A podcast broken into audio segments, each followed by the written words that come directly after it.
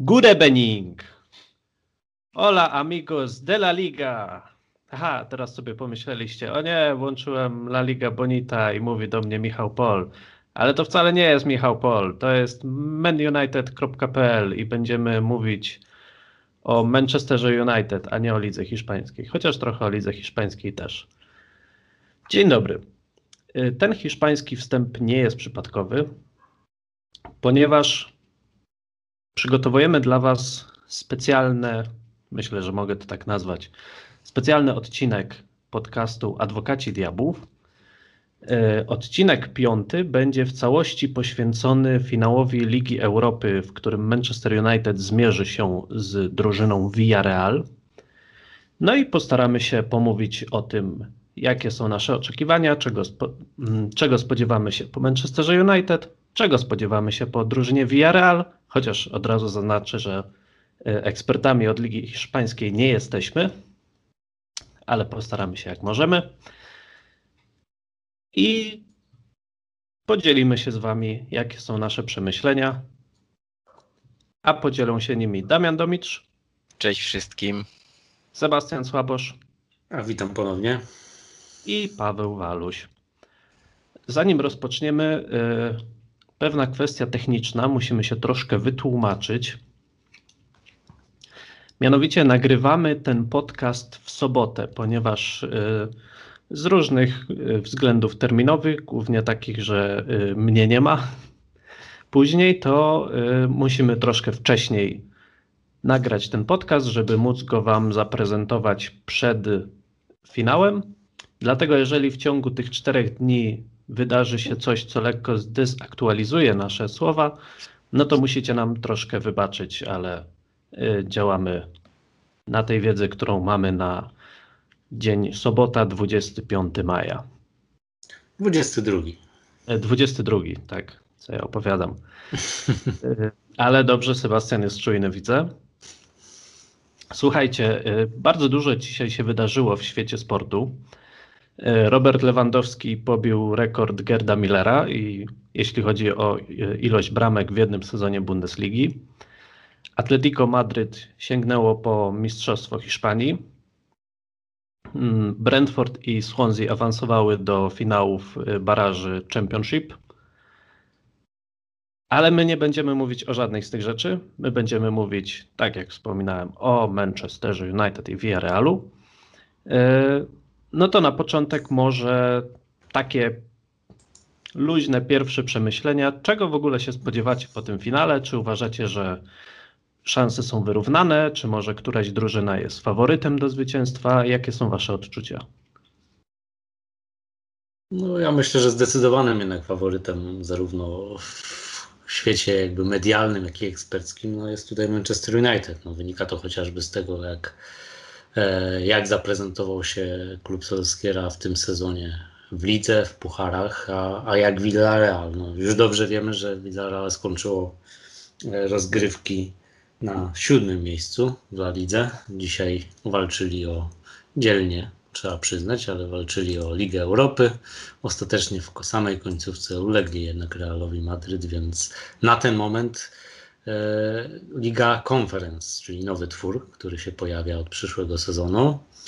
E, I tutaj jest też dodatkowa motywacja dla żółtej łodzi podwodnej, jeżeli chodzi o finał Ligi Europy, mianowicie Skoro nie udało się do Ligi Europy dostać, to na przyszły sezon, o tym mówię, z ligi, no to jest szansa z kolei skoczyć nawet do Ligi Mistrzów, bo przecież wygrany tego finału taką przepustkę sobie zapewni. No Manchester United wiadomo ma już tą przepustkę chociażby z ligi, więc może ta motywacja pod tym kątem jest mniejsza, no ale na pewno będzie po tych kilku latach posłuchy chciał wrzucić coś do gabloty i wyczekiwane jest to i przez fanów, i przez piłkarzy, i przez samego Solskiera. No myślę, że też i na papierze, i, i, i też przez pryzmat całego sezonu, no zdecydowanym faworytem jest tutaj Manchester United, ale co nie oznacza, że Villarreal jest tutaj bez szans, no jednak jak się dochodzi do finału Ligi Europy, no to ogólnie w ogóle finału jakichś rozgrywek, no to, to zazwyczaj no, nie wynika to jednak z przypadku, tak, więc stawiam plus na Manchester United jak najbardziej, ale, ale wiemy, że nie będzie to pewnie najłatwiejsze zadanie, no ale mieliśmy już po drodze chociażby Real Sociedad, który e, zakończył ligę wyżej w tym sezonie niż Villarreal. Też było dużo obaw. Ostatecznie, e, ostatecznie jednak e, skończyło się bardzo szybko, że te obawy się rozwiały, więc no wiadomo, no będą jeszcze kwestie, o tym pewnie będziemy mówić później, indywidualne, więc kogo zabraknie, kogo, a, kogo, a, a kto będzie do dyspozycji, no to może mieć znaczenie.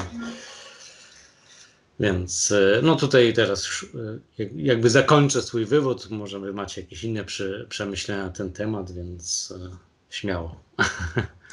No tak naprawdę trudno jest dodać coś więcej, w końcu dochodzi do rywalizacji wicemistrza Anglii z siódmą drużyną La Liga. To pytanie chyba jedyne, jakie można sobie zadać, to jak poradzą sobie z rolą faworyta młodzi zawodnicy Manchesteru United i Ole Gunnar Solskjaer, do którego będzie to pierwszy finał i pierwsza, pierwszy taki mecz o tak, o tak ważne trofeum. Czy, czy, nie spal, czy nie spalą się nasi zawodnicy, czy nie spali się sam szkoleniowiec, nie wiem, cudując jakąś e, wyimaginowaną, dziwną taktyką. Mam nadzieję, że nie, że zagramy po prostu swoje, wyjdziemy najsilniejszą jedenastką. I tak naprawdę patrząc na nasz poziom gry, a na poziom gry Villarealu, prawie jestem pewny, że, że ten finał potoczy się na naszą korzyść. Ja zawsze boję się w takich momentach yy, wskazywać Manchester United jako faworyta, pomimo że wiem, że teoretycznie nim jest, no bo tak jak wspomnieliście, chociażby pozycje w ligowej tabeli yy, na to wskazują. I też zawsze mam ten strach przed hiszpańskimi zespołami. Ja wiem, że oni w tym sezonie już dwie pokonali i że z Granadą to był wręcz y, no, spacerek, ale jakoś chyba się nie wyzbędę tego, zawsze będę zaniepokojony, kiedy Czerwone Diabły będą się mierzyć z zespołem z Hiszpanii. Ale oglądałem dzisiaj spotkanie Realu z Villarrealem i muszę przyznać, że trochę byłem rozczarowany może w taki pozytywny sposób dla kibica Manchester United, ponieważ przebieg tego spotkania wyglądał tak, że wyglądał trochę jak mecz Manchesteru United z Fulham, to znaczy szybko strzelona bramka. Y, no nie, no w sumie to nie był taki przebieg, bo tutaj oni szybko strzelili tą bramkę, a później już się zupełnie nie interesowali tym, żeby próbować zdobyć cokolwiek więcej. Po prostu zakopali się w swoim polu karnym i nie, no próbowali jakieś tam kontry, ale bardzo słabo to wyglądało. Ale też trzeba przyznać, że no bronili się naprawdę zwarcie, czasami nawet sześciu piłkarzy w linii obrony. To jeśli pozwolisz, to wejdę Ci tutaj słowo, bo ostatnio oglądałem właśnie taką analizę taktyczną na temat Villarrealu. No i tam jeden z tych, tych, tych gości, który, który to analizował, pokazał, że, że VRL lubi bronić się bardzo głęboko, często tworząc dwie linie składające się z czterech graczy. Dlatego tutaj wydaje się, że Czerwone Diabły naprawdę będą miały ciężką drogę do tego, aby przedrzeć się przez te zasieki obronne i będą musiały oprzeć swoją grę na jakiejś nadzwyczajnej kreatywności. Poza tym mając w tyle głowy tych, tych bocznych obrońców, którzy bardzo często tam wychodzą do kontrataków. No Sir Alex Ferguson zapytany o, o szansę Czerwonych Diabłów na triumf, na triumf Lidze Europy powiedział, że że ważne, że w finale ważne jest też szczęście i drużyna na papierze gorsza ma szansę, jeżeli jej to szczęście dopisze, no więc takim szczęściem dla Villarealu mogą, może być, mogą być te zasieki obronne właśnie. No, tak, no, no. Mhm. Ja, ja bym tylko tutaj dodał, że faktycznie jak miałbym gdzieś upatrywać szans yy, takich większych dla Villarreal, no to myślę, że tutaj yy, ten zespół, biorąc pod uwagę, że najprawdopodobniej u nas zabraknie Harry'ego Maguire'a, e, no defensywnie może wyglądać lepiej niż, niż my. Z kolei no, naszym atutem zdecydowanie w porównaniu do, e, do Villarreal no, jest, jest tutaj z kolei e, ofensywa, no, więc to na pewno będzie ciekawy pojedynek, tym, tym bardziej, że jest, jak dobrze pamiętam, Villarreal wypadł bardzo ważny zawodnik, jeżeli chodzi o ofensywę, czyli Chukwueze, jeżeli dobrze wymawiam to nazwisko, Nigeryjczyk. E, ale no defensywa myślę, że to będzie atut Villarreal i tutaj może być tak, że jeżeli nie zdobędziemy e, bramki w miarę szybko, no to wiadomo, że będzie wkradała się nerwowość, mogą być kontry.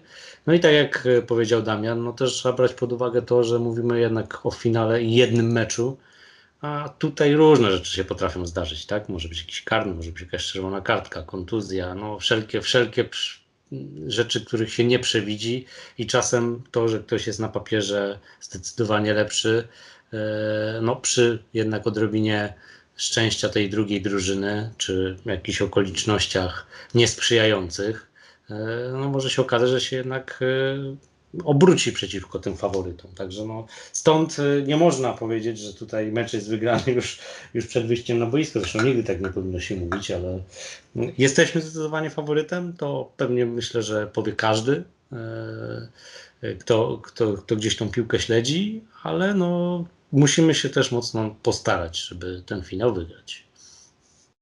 Tak, właśnie taka moja obserwacja z tego spotkania była taka, że y, to będzie spotkanie niewygodne dla Manchester United, bo wiemy, że w ogóle y, Czerwone Diabły najlepiej czują się grając z kontry, kiedy to oni mogą się cofnąć, oddać przeciwnikowi piłkę i go tam kąsać co jakiś czas. No a tutaj wszystko wskazuje na to, że jednak Villarreal odda piłkę podopiecznym Solskiera, no i oni tam będą musieli coś dłubać w tej skale. Y, obie bramki dla Realu padły po wycofaniu piłki na skraj pola karnego pomiędzy linią defensywy i linią pomocy. To, te dwie linie, o których wspomniał Damian. Y, mieli kłopot, żeby tam przeatakować zawodnika. Może to będzie jakaś odpowiedź, a może to była kwestia tego jednego meczu. No, myślę, że y, analitycy Manchester United będą się opierać na większej ilości spotkań, więc nie będę tutaj udawał, że rozgryzłem y, zawodników Villarrealu. W każdym razie ja się spodziewam trochę męczenia buły. E, to znaczy Manchester United będzie próbował jakoś rozgrywać tą piłkę i przełamać defensywę e, zespołu z Hiszpanii, a Villarreal będzie próbował kontrować. No dzisiaj te ich kontry bardzo kiepsko wyglądały. E, bardzo źle wyglądali Carlos Baca oraz Gerard, Gerard Moreno, tak? Mhm. Który jest de facto takie... największym zagrożeniem. Tak, no dzisiaj wyglądali na. W ogóle Villarreal wyglądał na bardzo zmęczony zespół. Y, I to jest troszkę atut Manchester United, bo oni musieli do ostatniej kolejki tak naprawdę grać o y, no wszystko, no bo dzisiaj toczyli bój o to, czy zagrają w Lidze Europy, czy w Lidze Konfederacji, czy jakkolwiek się to tam nazywa. No a wiemy, że Manchester United przed ostatnią kolejką już ma komfort, bo nie spadnie z drugiego miejsca. Więc y, taka świeżość może być jakimś atutem. W każdym razie, no, czuję, że to nie będzie najprzyjemniejsze dla oka spotkanie. Y, I chyba tyle o Villarrealu. Nie wiem, czy chcecie jeszcze coś dodać na temat tego zespołu. Może macie jakieś. Ja mogę zabawić się w takiego analityka, bo oglądałem sobie skrót, skrót meczu Villarrealu z Arsenalem i na pewno jest to taki zespół, którego specyfika gry trochę przypomina Sevilla z poprzedniej edycji Ligi Europy, czyli czy, czyli ci, ci boczni obrońcy atakują bardzo wysoko i często dośrodkowują w pole karne piłkę i prawdopodobnie będą dośrodkowywać ją na drugi słupek, tam gdzie będzie Aaron Wan-Bissaka, o czym mówiliśmy w poprzednim odcinku. I ważną rolę też w tym polu karnym rywala odgrywają pomocnicy, którzy natychmiastowo zagęszczają pole karne i są bardzo dobrzy w zbieraniu drugich piłek. Takim najważniejszym piłkarzem w ich zespole od, od, od tej roli jest Manu Trigueros, no Villarreal to też nie jest taka drużyna, która przesadnie preferuje grę w ataku pozycyjnym. Tak jak wspomniałeś ty Paweł, ich ataki są raczej bezpośrednie, czyli podobnie jak Manchester United, więc możemy spodziewać się faktycznie tego, że oni wycofają się za linię piłki, będą czekali na to, co zrobi Manchester United i będą starali się właśnie wykorzystać tych, tych bocznych obrońców. E, tak, jeszcze jedną rzecz zauważyłem, że spore problemy sprawiały im takie podania z głębi pola za linię y, obrony, czyli coś jak te słynne podania Lindelofa do napastników Manchester United, to też mogą być, też może być jakaś odpowiedź. No ale zobaczymy. Mm, to tyle o Villarrealu. Porozmawiajmy sobie o Manchesterze United. Y, myślę, że spróbujemy sobie omówić skład, jaki wyjdzie na to spotkanie, no bo oczywiście spodziewamy się najsilniejszej jedenastki, tylko pytanie, co to znaczy najsilniejsza jedenastka? No i jest parę takich nieoczywistości i myślę, że na nich się skupimy. E, zaczniemy od bramki, chociaż tutaj wydaje mi się, że jednak jesteśmy w miarę pewni. No ale spytam się, kto według Was powinien wyjść na to spotkanie między słupkami? No ja osobiście chciałbym zobaczyć w bramce Dawida Deche. Nie wydaje mi się, aby Henderson był bramkarzem gotowym na finał, zwłaszcza po tym, co zobaczyłem w spotkaniu z Liverpoolem, gdzie popełnił naprawdę dwa bardzo rażące błędy. Pierwszy, kiedy nie cofał tej piłki po strzale Trenta lub nie odbił jej do boku, a drugi, gdy no, fatalnie ustawił się w sytuacji 1 na 1 z Salahem, odkrywając mu praktycznie całą jego, jego Hendersona prawą stronę bramki. No Hiszpan w tych meczach, w których pojawiał się ostatnio w wyjściowym składzie, imponował spokojem i, i świetnym refleksem. Chociażby w tym meczu za S Romą, kiedy raz po raz ratował nas przed nerwówką tak naprawdę. I nie oszukujmy się, że, że przede wszystkim przemawia za nim doświadczenie. No tak, na pewno doświadczenie to jest plus Dawida Dehei, ale no, trzeba przyznać, że w ogóle jakby rywalizacja Dehei z Hendersonem to chyba jeden z ciekawszych e, takich czynników e, tego sezonu, e, który już nam mija, jeżeli chodzi o Manchester United. E, no bo w zasadzie było tak, że to Dean Henderson był tym rezerwowym bramkarzem i zaczął, zaczynał te mecze wszystkie w Lidze Europy, a ADHA grał w lidze, a nagle później to się przewartościowało. Głównie też przez to, że były jednak obiekcje do postawy Hiszpana, więc to też nie jest tak, że, że można być pewnym, że, że ta forma wróciła i że ona jest równa, bo, bo, bo też nie. No ale też między innymi wiadomo dlatego, że urodziło mu się dziecko i, e, i dostał ten czas dla, dla siebie i dla rodziny. I, i później z racji, że z kolei Dean Henderson dobrze się spisywał w kilku kolejnych meczach, no do tej bramki nie wrócił.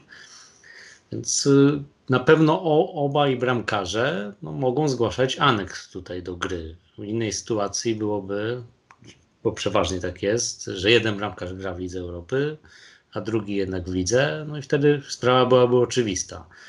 W teorii nie jest pewne, kto zagra, tak na 100%, ale dużo mówi się, że jednak, że jednak Dawid Decha dostanie szansę, chociażby dlatego, że, że on e, grał w tych kluczowych już e, meczach, które doprowadziły nas do, do tego finału. I myślę, że też podzielam zdanie Damiana, że to, że to ostatecznie wybór padnie na bardziej doświadczonego Dawida Deche. Mały tutaj plusik też e, za to, że gramy z hiszpańską drużyną. On jest Hiszpanem, zna trochę realia, więc może łatwiej mu będzie też w tym klimacie. Dlatego też wydaje mi się, że partnerować w obronie Lindelofowi pod nieobecność Maguire'a będzie Eric Bay, a nie Axel Tuanzebe, który również e, ma przeszłość, przeszłość z La Ligi i występów tej E, w hiszpańskiej ekstraklasie, więc no stawiam też na dechę, jeżeli chodzi o, o to, jaki będzie wybór. A nie macie w ogóle takiego wrażenia, że ten, kto wystąpi w tym finale, będzie w przyszłym sezonie numerem jeden, a ten drugi będzie musiał odejść?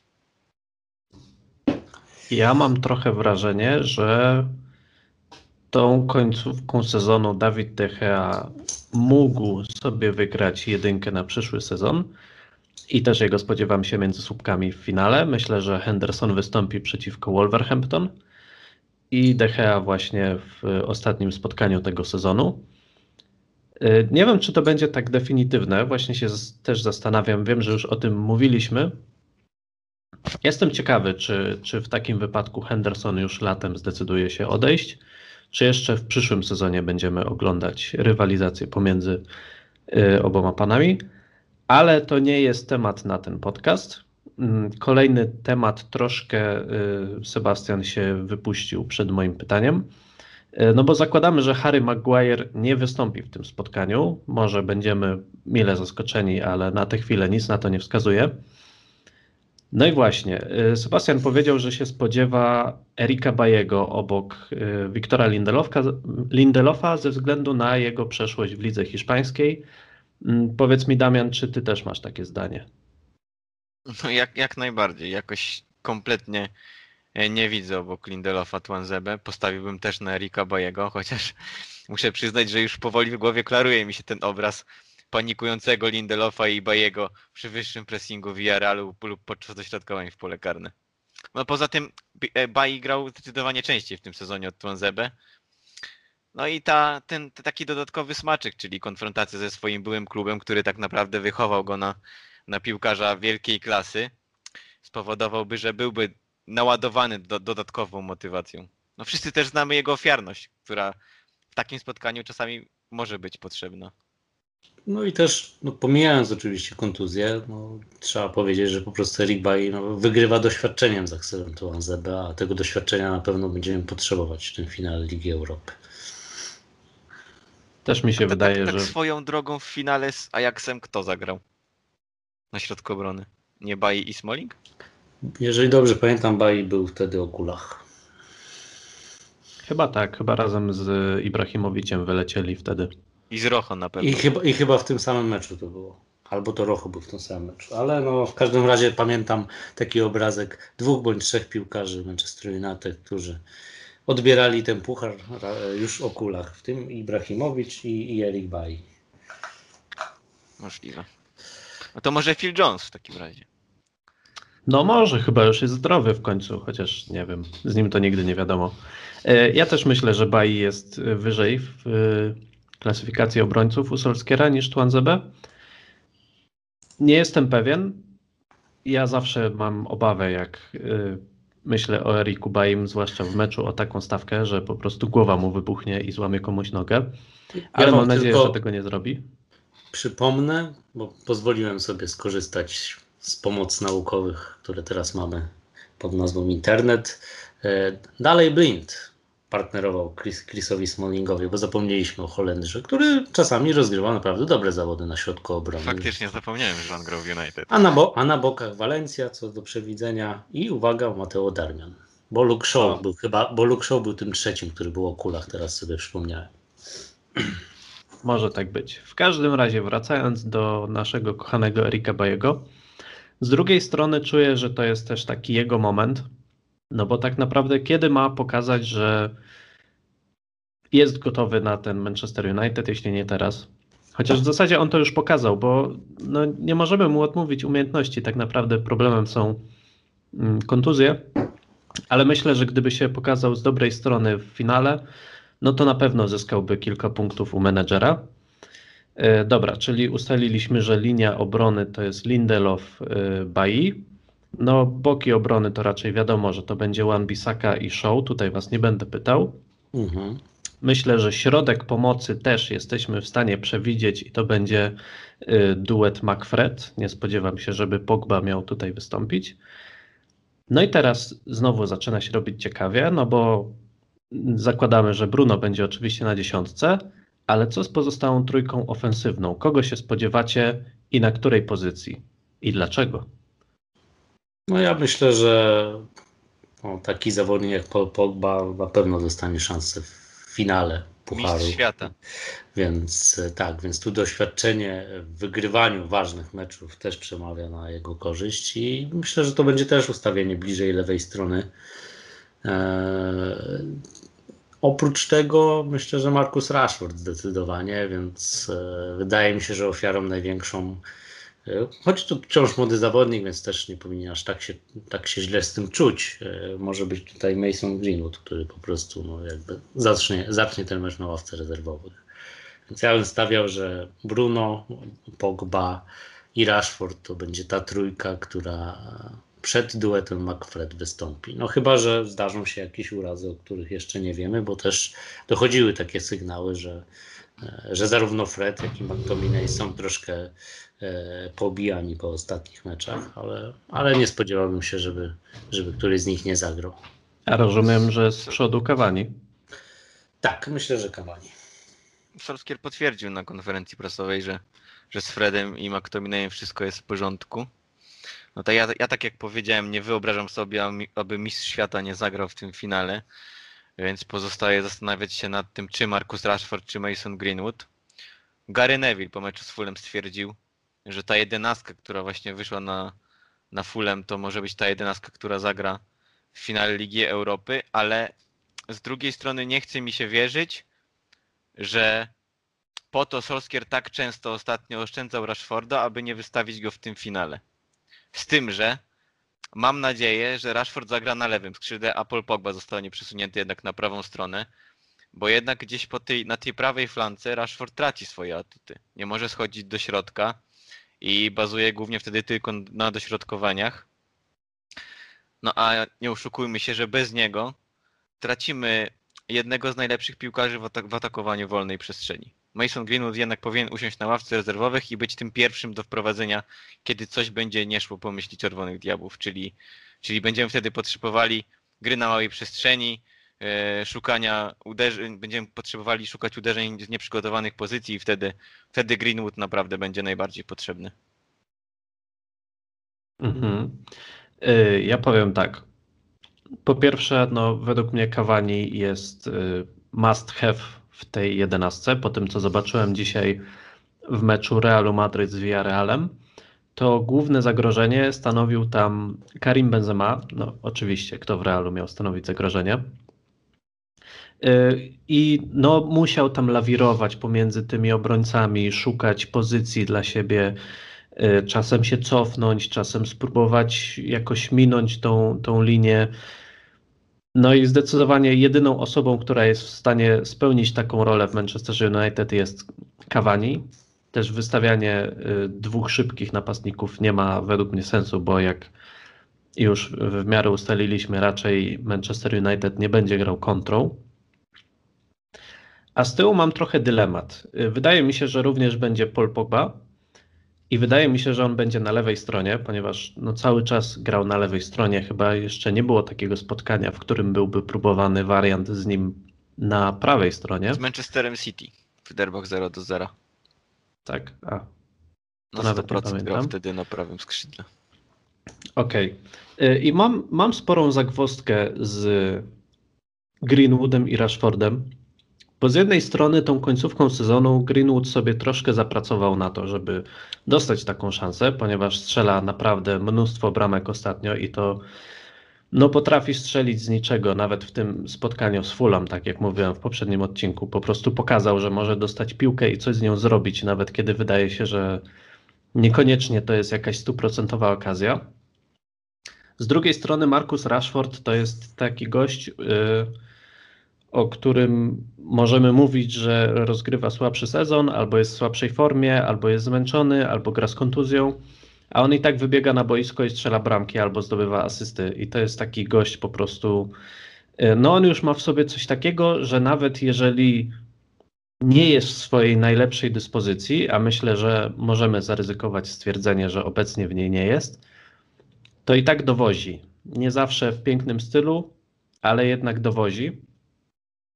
No jednak może być takim też, nie wiem czy talizmanem to jest dobre słowo, ale takim zawodnikiem, który będzie ciągnął grę i próbował i starał się, bo jednego mu nie można odmówić. Y, On zawsze, nawet jak mu nie wychodzi, to próbuje dalej i to jest cecha, która bardzo mi się u niego podoba, nawet jeśli niektóre te prób- próby są frustrujące.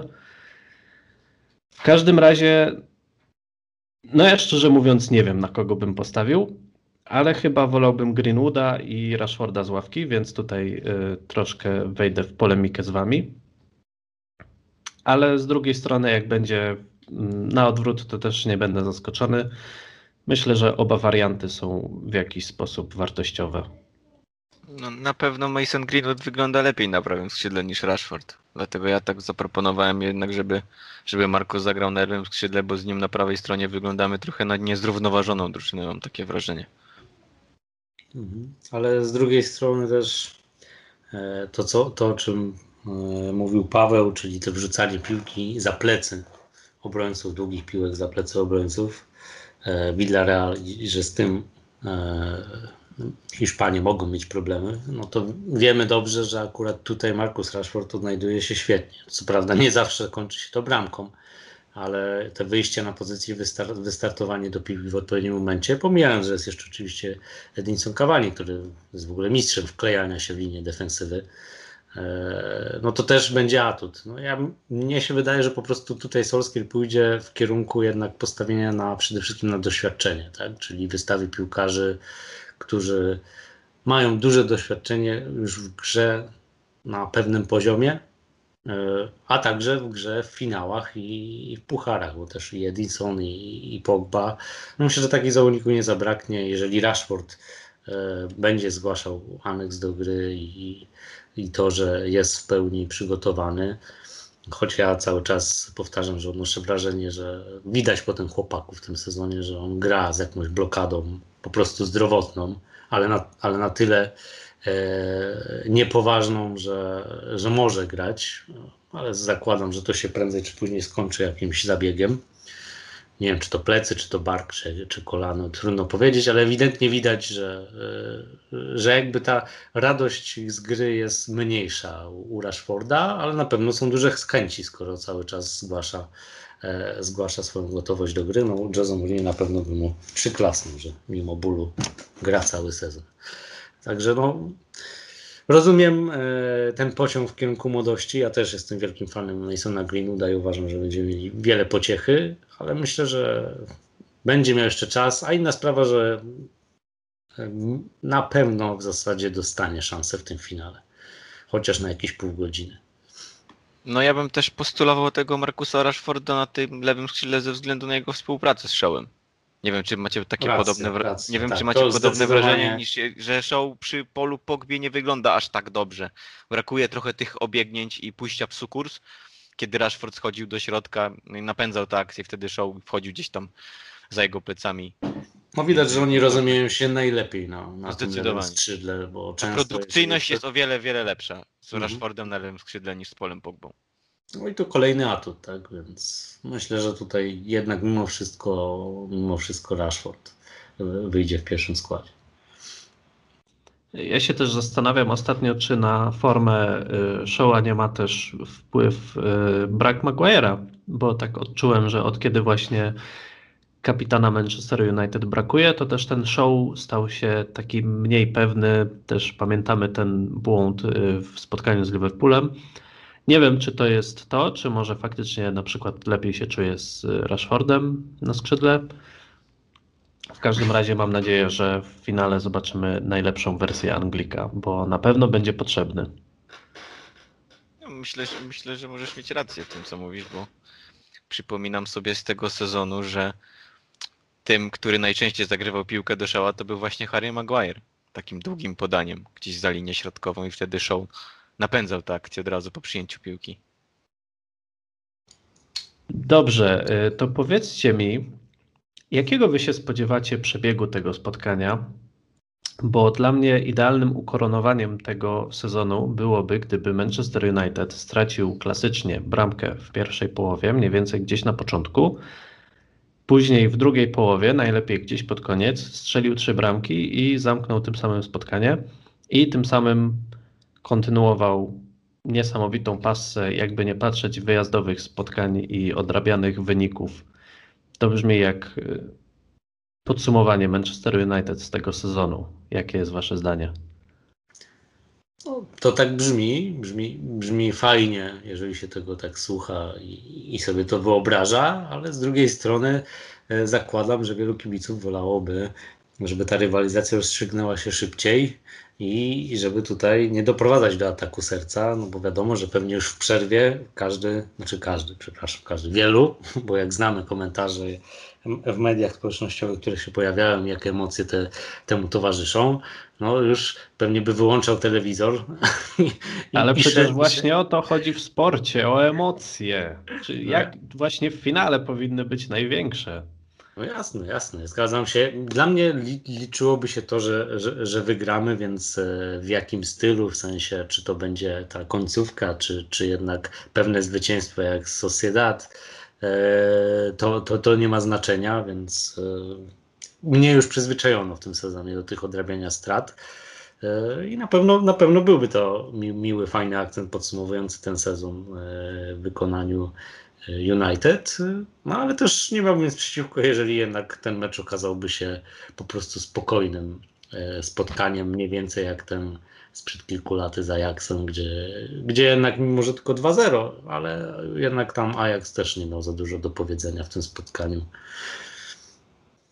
No pamiętajmy, że jest to przede wszystkim finał i też nie wiadomo jak nasza drużyna zareagowałaby po utracie takiej bramki. No RB League też nam zdobyło też, też strzeliło gola jako pierwsza drużyna w tamtym meczu i jednak nie odrobiliśmy tych strat ostatecznie, chociaż tam w końcówce naprawdę niewiele zabrakowało.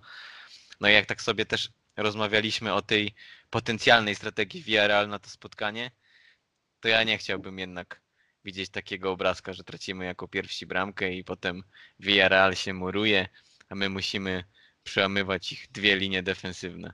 Zdecydowanie wolałbym zdobyć gola jako, jako pierwsi i potem grać swoje, czyli to, co umiemy najlepiej, grę z kontrataku i zmusić, zmusić Villarreal do ataku pozycyjnego, czego też przecież nie lubią. No właśnie, ja tego tylko się trochę obawiam w tym finale, że nasi zawodnicy wyjdą z pełnymi gaciami, mówiąc kolokwialnie, bo wiemy, że tak się zdarzało, czy to w poprzednich półfinałach, czy w takich ważniejszych meczach bywało tak, że ciężko było poznać tę drużynę, że właśnie wychodzili zupełnie zestresowani, jakby nie wiedzieli o co chodzi, jak się gra w piłkę. Mam nadzieję, że już mają to przepracowane, albo że chociaż szybko sobie z tym poradzą. W każdym razie, no też oczywiście nie pogardziłbym, nie wiem, 4 do 0 jak z Granadą. Powtórzylibyśmy finał żeńskiej Ligi Mistrzów pomiędzy Barceloną i Chelsea. Chociaż dla samego widowiska to byłoby trochę smutne. Nie wiem, nie jestem pewien, nie jestem obiektywny w tej sytuacji. No ja do tego meczu nie podchodzę jako fan futbolu, ale zdecydowanie jako kibic Manchesteru United, więc mam nadzieję, że będzie spokojnie. Myślę, że każdy z nas. No. A nie, niech się dzieje jak najwięcej w finale Ligi Mistrzów. Tu no się raczej tutaj, zgodzimy. Tu, tutaj też trzeba brać e, tak, taki pewien znak zapytania postawić pod kątem właśnie tej nieobecności Harry'ego Maguire'a i, e, i można się zastanawiać faktycznie, ile Anglik daje na boisku swoją samą obecnością, ile w szatni jako kapitan, e, bo może się okazać, i być może okazuje się chociażby w tych ostatnich meczach, które nie poszły najlepiej w naszym wykonaniu, e, no, że jednak to, pomijając już kwestie czysto piłkarskie, zresztą poruszaliśmy troszkę ten temat w poprzednim podcaście, no te kwestie mentalnościowe, no tutaj no też będzie duży minus pod kątem naszej drużyny. Tak? No miejmy nadzieję, że jednak brak jednego zawodnika nie wpłynie aż tak źle na, na jakąś mentalność i nastawienie ekipy i, i, i, ten strach, o którym Paweł mówi, że, że on gdzieś się tam pojawi. No bo jednak mamy przecież i Pola Pogbę, mamy Bruno Fernandesa, mamy Cavaniego, no to też są piłkarze, którzy e, no, nie szczędzą charakteru, jeżeli chodzi o piłkę tutaj i, i poczynania boiskowe i można się ich uczepić, e, kolokwialnie mówiąc, jeżeli chodzi o innych piłkarzy, którzy może są e, spokojniejsi i gdzieś bardziej wycofani, jak na przykład taki Aaron Van Wisaka, ale potrafią się budować dzięki charakterowi innych wokół siebie, tak? Więc no, jestem ciekaw ogólnie tego wszystkiego. Myślę, że z Maguirem na pewno byłbym zdecydowanie pewniejszy, e, już nawet nie tylko zwycięstwa, ale po prostu dobrego, solidnego meczu w naszym wykonaniu. Bez niego no, cały czas gdzieś mam taki mały znak zapytania, jak, jak, jak to będzie faktycznie wyglądać i, i czy faktycznie gdzieś tam e, nie wedrze się trochę stresu, no, zwłaszcza poczynania defensywne, a wiadomo, że, że ta defensywa nie jest jakimś wielkim fundamentem u nas. E, choć często spisywała się dobrze, ale no jednak bez Maguire'a może tutaj się okazać, że będzie problem gdybyśmy mieli stracić bramkę jako pierwsi, to ten brak Maguire'a może być widoczny jeszcze bardziej, bo ja na przykład sobie nie potrafię wyobrazić, że Eric Bailly znajduje się gdzieś w posiadaniu piłki na 30 metrze na połowie, na połowie Villarealu i rozgrywa akcję tak, jak robił to nasz kapitan. No w trzeba też... W takiej grze Maguire jednak odnajduje się bardzo mhm. dobrze, trzeba powiedzieć. No i trzeba tutaj też troszkę lekki przytyk w kierunku Erika Bajego, bo gdzieś Paweł o tym nie wspomniał, a gdzieś chwalił, że dobrze się prezentuje, jak już gra, bo rzadko gra, bo ma kontuzję. To jest, I to faktycznie jest jego największy minus, tak? Chociaż e, jednak zapracował e, widocznie na treningach i swojej postawie na nowy kontrakt. Inna sprawa, że nie możemy się wyprztykać ze wszystkich środkowych obrońców, bo jednak potrzebujemy jakiejś rezerwy, a powoli e, topnieje nam to.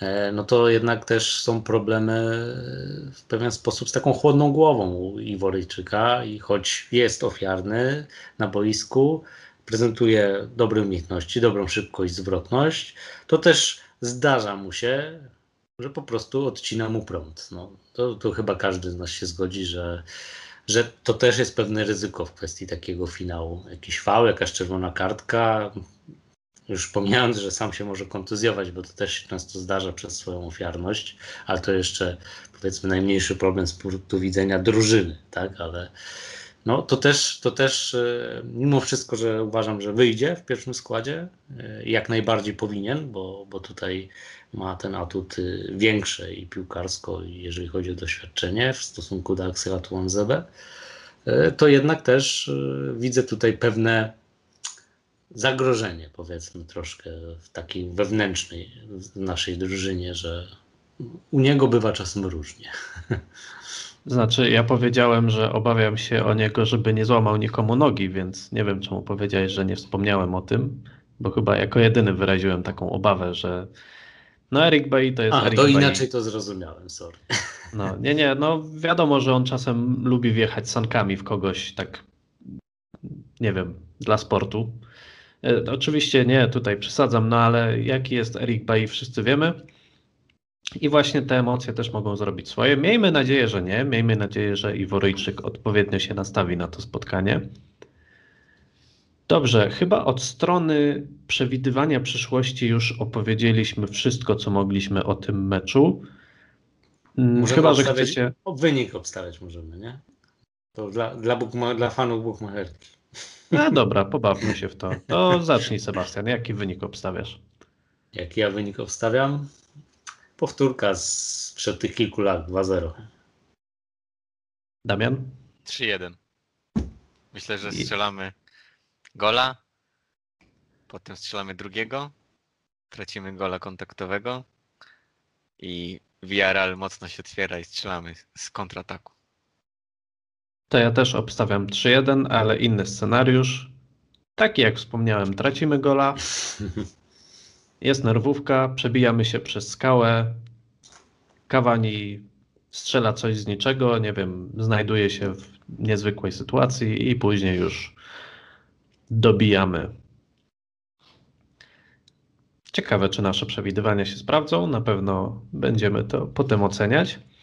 Yy, Opowiedzmy jeszcze o tym finale z innej perspektywy.